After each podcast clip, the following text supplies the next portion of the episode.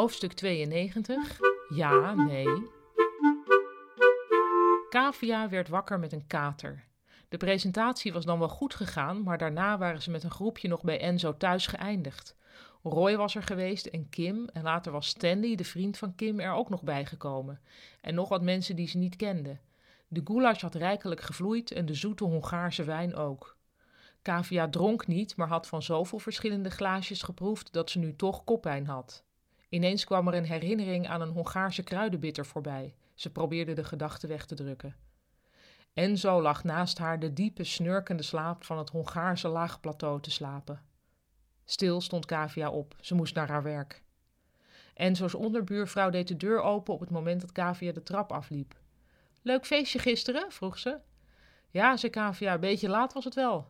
Ja, nee, want ik dacht al, het gaat wel lang door. De onderbuurvrouw glimlachte er iets te hard bij. Sorry. Nee, zo bedoel ik het niet, maar ik dacht wel al die paprika geuren de laatste tijd. Ja, Enzo is bezig met goulash. Ik dacht al, ik dacht al. Ja, nee, ik vind het helemaal prima, maar als hij dat bedrijfsmatig gaat doen, dan is dat natuurlijk niet overeenkomstig de splitsingsakte. Oh, zei Kavia, nou, daar weet ik verder niets van. Haar hoofd bonste. Sorry, ik moet er zo vandoor eigenlijk.